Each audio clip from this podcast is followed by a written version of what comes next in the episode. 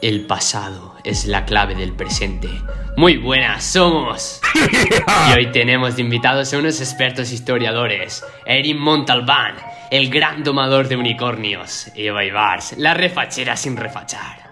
Joan Pastor, la Melendi francesa. Mar Buigues, la demacrada. Y yo, Jesús Crespo, el increíble, el apasionado, el ágil, el emocionante. Jesús Crespo el presentador de esta maravillosa serie de este podcast, para hablar sobre Gusen, que era el nombre del campo de concentración auxiliar al de Mannhausen, inaugurado concretamente ni más ni menos que el 20 de diciembre de 1939.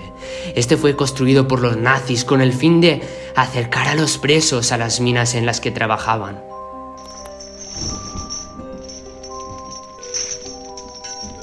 Eran los años 30 y la cosa no es que fuera demasiado bien por Europa.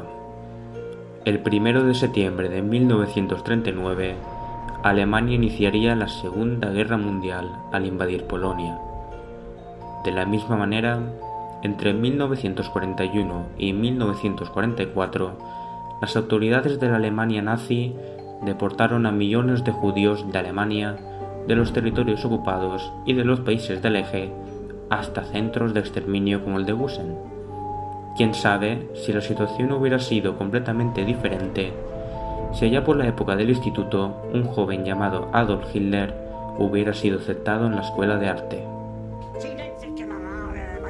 Existe el debate de si Gusen era realmente un subcampo de la red de Mauthausen o, en cambio, un campo de plena categoría. Según varias fuentes, se confirma que el campo de Gusen se considera un campo de plena categoría, no un subcampo, ya que funcionaba de forma independiente de Mauthausen, llegando a tener incluso más prisioneros registrados al mismo tiempo.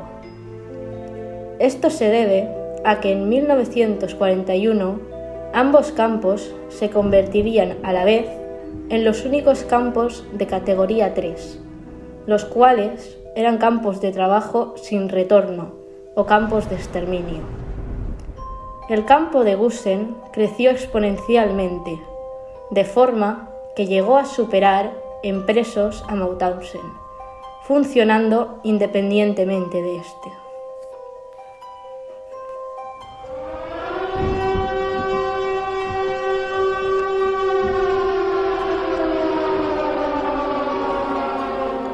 El campo de Gusen se sitúa en Gusen, una población en el municipio de Langestein, en la Alta Austria.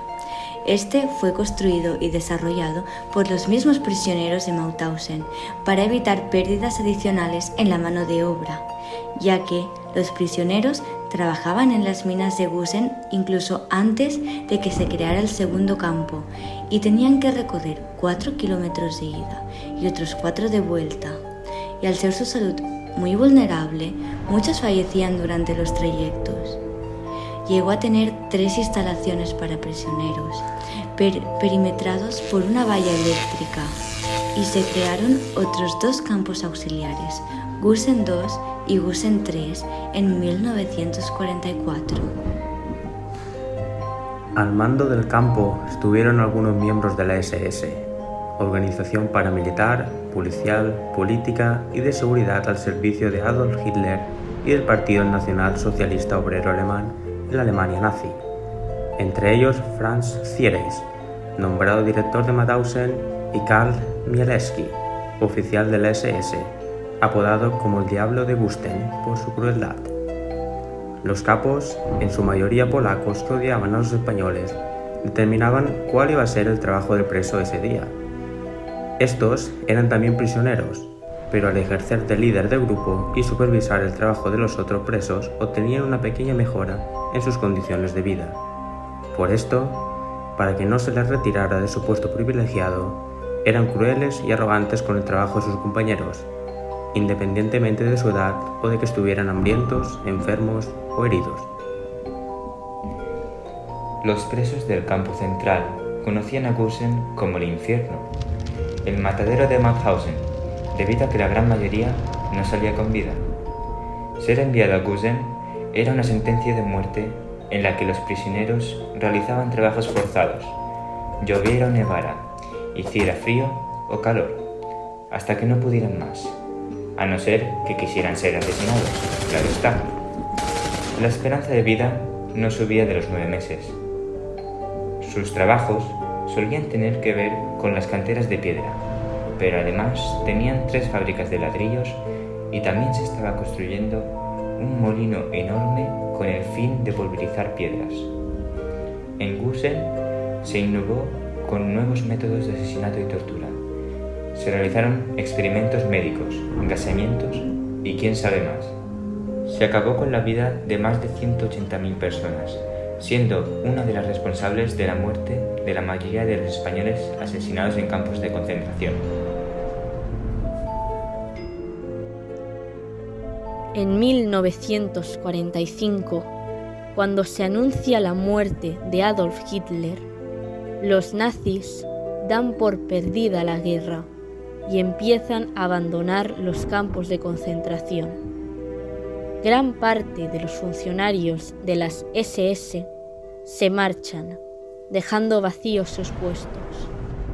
El comandante Franz Thierreis ordenó la matanza de todos los presos en caso de que el Reich sucumbiera. Así que los altos cargos, que aún no habían abandonado los complejos, siguieron ejecutando prisioneros, al mismo tiempo intentando eliminar todo tipo de documento que relacione a los nazis con los campos de Mauthausen y Gusen. Finalmente, soldados estadounidenses llegan a territorio austriaco y liberan a los presos que sobrevivieron, al igual que mandaron a enterrar a los que no pudieron contarlo, aquellos a los que no se les da nombre. Desde finalizar, no podríamos irnos sin nombrar y dar los créditos que se merecen de verdad a dos personas sin las que no se hubiese llevado a cabo este proyecto. Iván Martínez, máximo responsable de promover a los estudiantes del IES Teulada este proyecto. Y gracias de verdad, Iván. Cada vez que teníamos una duda, eh, lo escribíamos a tu email y nos respondías instantáneamente, gracias de verdad. Y no nos podríamos olvidar de nuestro profesor de historia, el inigualable, el auténtico, el espectacular, respampanante, el guapísimo, que eres guapo, el bellísimo David Navarro que nos ha transmitido las ganas y motivación necesaria para llevar a cabo este proyecto. Ahora sí, esperamos que os haya gustado el podcast. Nosotros somos... y hasta la próxima.